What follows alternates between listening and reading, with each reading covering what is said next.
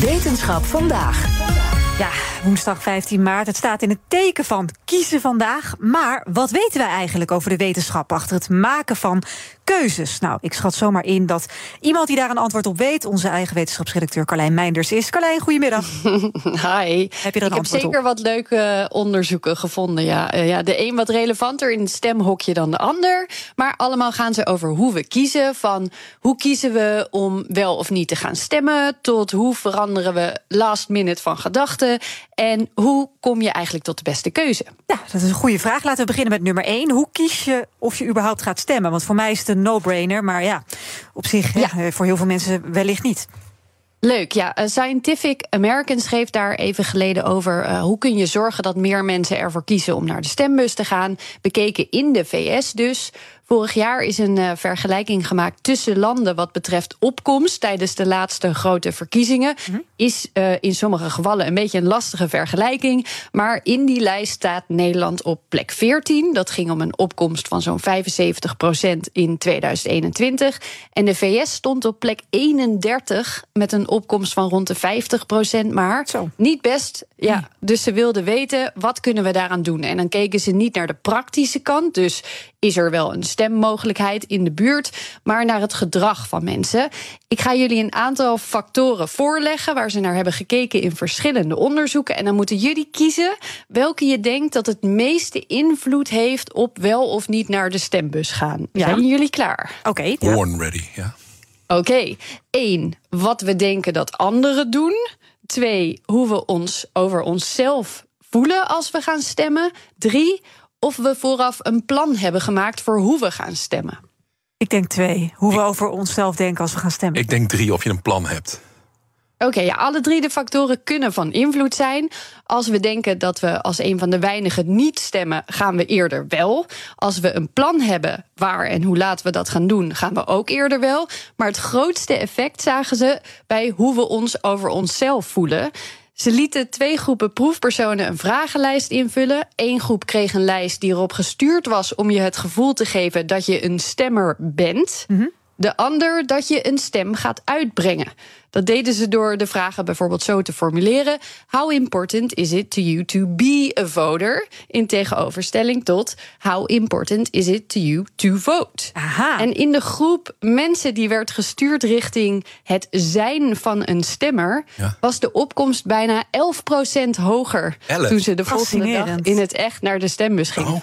Klinkt misschien een beetje aan de lage kant, maar zou Ja. dat gelden voor heel de VS? Nou, dan is dat vrij historisch. Dus hoe we onszelf zien speelt, als je dit onderzoek eh, gelooft tenminste, dus een enorme rol. Ja, dat is super boeiend. Uh, de volgende is last minute van gedachten veranderen. Ja, ja, een tijdje terug uh, ontdekten onderzoekers dat dit enorm complex is voor ons brein. Het is niet één gebiedje in de hersenen, het is een ingewikkeld overleg tussen hersengebieden.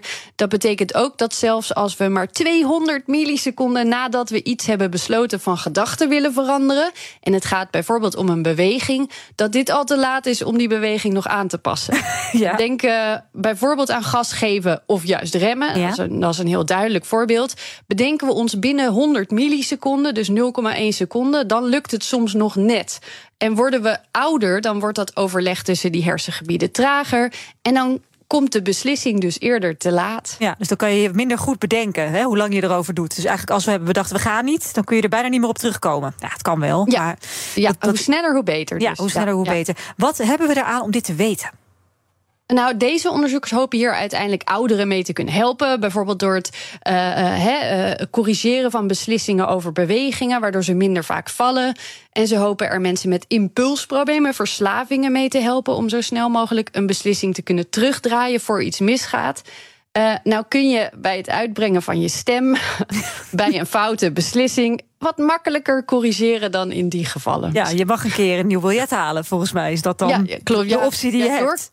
Ja, doorkruisen en een ander kiezen op hetzelfde biljet mag niet. Dus kies je verkeerd, dan heb je eh, in dat geval één, één kans nog om het goed te doen. Niet zoveel last van die 0,1 seconde bij die eerste keer, want je kan nog een tweede keer proberen. Maar die tweede keer, dat laatste stembiljet, beweeg je dan je potloodje naar het verkeerde vakje.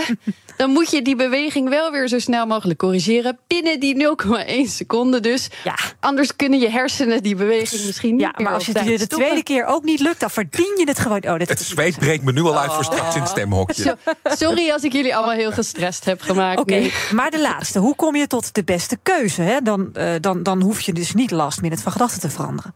Als het Ja, goed is. dat is een goeie. Ja, die hebben we ook nog. Eh, bij het maken van grote beslissingen als ga ik wel of niet van baan wisselen, maken heel veel mensen lijstjes of ze verzamelen zoveel mogelijk informatie en lopen daar dan heel vaak doorheen. Maar er is zowel onderzoek dat zegt uiteindelijk spelen emoties of je gevoel gewoon een hele grote rol bij het maken van die beslissing als onderzoek, of in dit geval een boek over onderzoek genaamd How Minds Change. Dat was een lastig om te zeggen. How minds change. Eh, dat zegt, Ja. ja, we hebben anderen nodig voor het maken van die beste keuze. Wa- waarom is dat? In het kort, als je overlegt met jezelf of je maakt lijstjes, neig je altijd naar jezelf gelijk geven. Of dat kiezen waar je al een beetje naartoe aan het leunen was.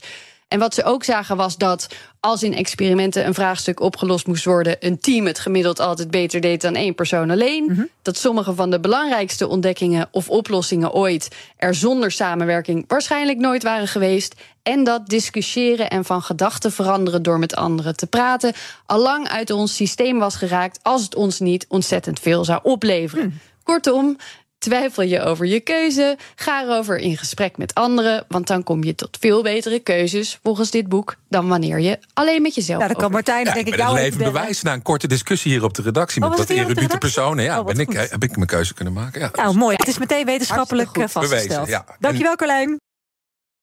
Ook Diana Matroos vind je in de BNR-app. Ja, inderdaad. Je kunt live naar mij luisteren tijdens de Big Five. Ook handig in de BNR-app. Breaking nieuwsmeldingen, maar ook het allerlaatste zakelijke nieuws. En je vindt in de app alle BNR-podcasts, waaronder Wetenschap Vandaag. Download nu de gratis BNR-app en blijf scherp.